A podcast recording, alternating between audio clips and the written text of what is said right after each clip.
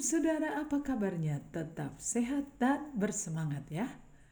Sepotong kertas lipat dapat dibentuk menjadi mainan pesawat-pesawatan untuk anak-anak. Kertas lipat yang sama dapat juga dibentuk menjadi bentuk kado.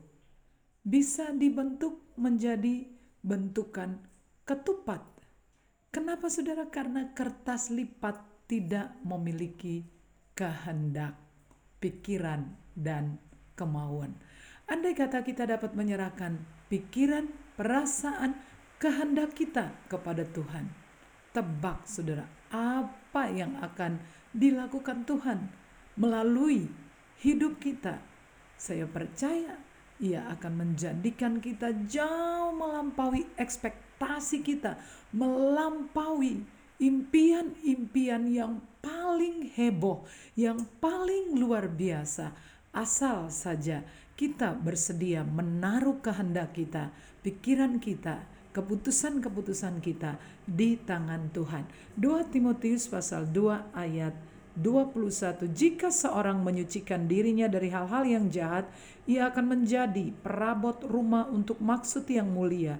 Ia dikuduskan dipandang layak untuk dipakai tuannya dan disediakan untuk setiap pekerjaan mulia. Jadikan sucimu yang kudus dan yang tiada bercela. Jadikan aku mesbah doamu bagi keselamatan Selamat beraktivitas dan Tuhan memberkati saudara.